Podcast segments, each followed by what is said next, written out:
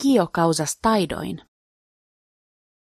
Se vi iam pasigis tagon ce la plagio, vi versaine rimarkis, che la oceana aquo constante movigas.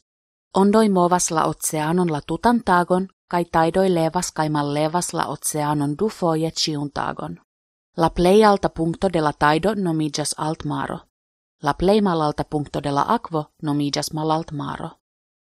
Plantoi, bestoi kai homoi lojantai proxime alla oceano fidas gitiun antau videblan levigion kai faladon de la oceano ciutage. Set kio juste causas alt maroin kai malalt maroin? La luno. Yes, la luno estas la cefa causo de taidoi en la terai oceanoi.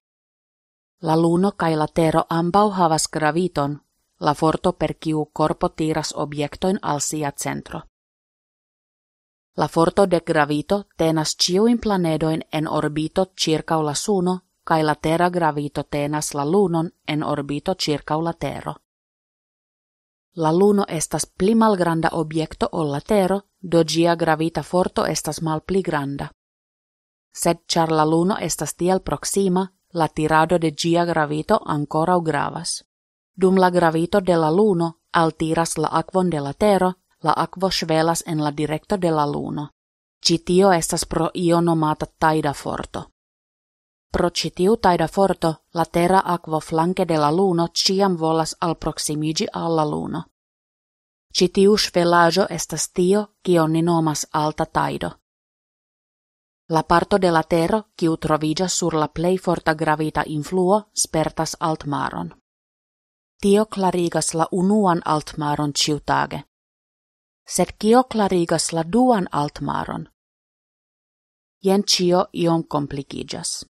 Kiel ni menciis antaŭe, kiam la gravito de la luno tiras unu flankon de la tero, gi creas taidan svelon alla luno.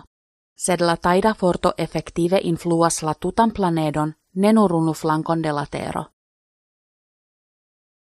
La totala efiko de la taida forto estas, ke la tero spertas premon, kiu causas la aquon sveli ambau flanke. Ci tiui du svelajoi clarigas kial en unu tago estas du altai taidoi. La surfazzo de la tero rotacias tra ciu e la svelajoi unu foie tage.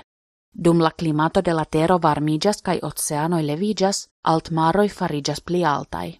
Foie tio causas inundadon en comunumoi proxime alla marbordoi. Altmara inundo okazas kiam taidoi estas circa duonan metron super la averagia altmaro. Jen kiam oceana aquo ekverŝiĝas sur stratoin aŭ elfluas de stormdreniloj. Sciencistoj uzas datumojn de multaj fontoj, inclusive de veteraj satelitoj por studi ĉi tiujn inundojn. Marbordai komunumoi povas uzi citiuin informoin por pli bone plani la efikoin de crescantai taidoi en la.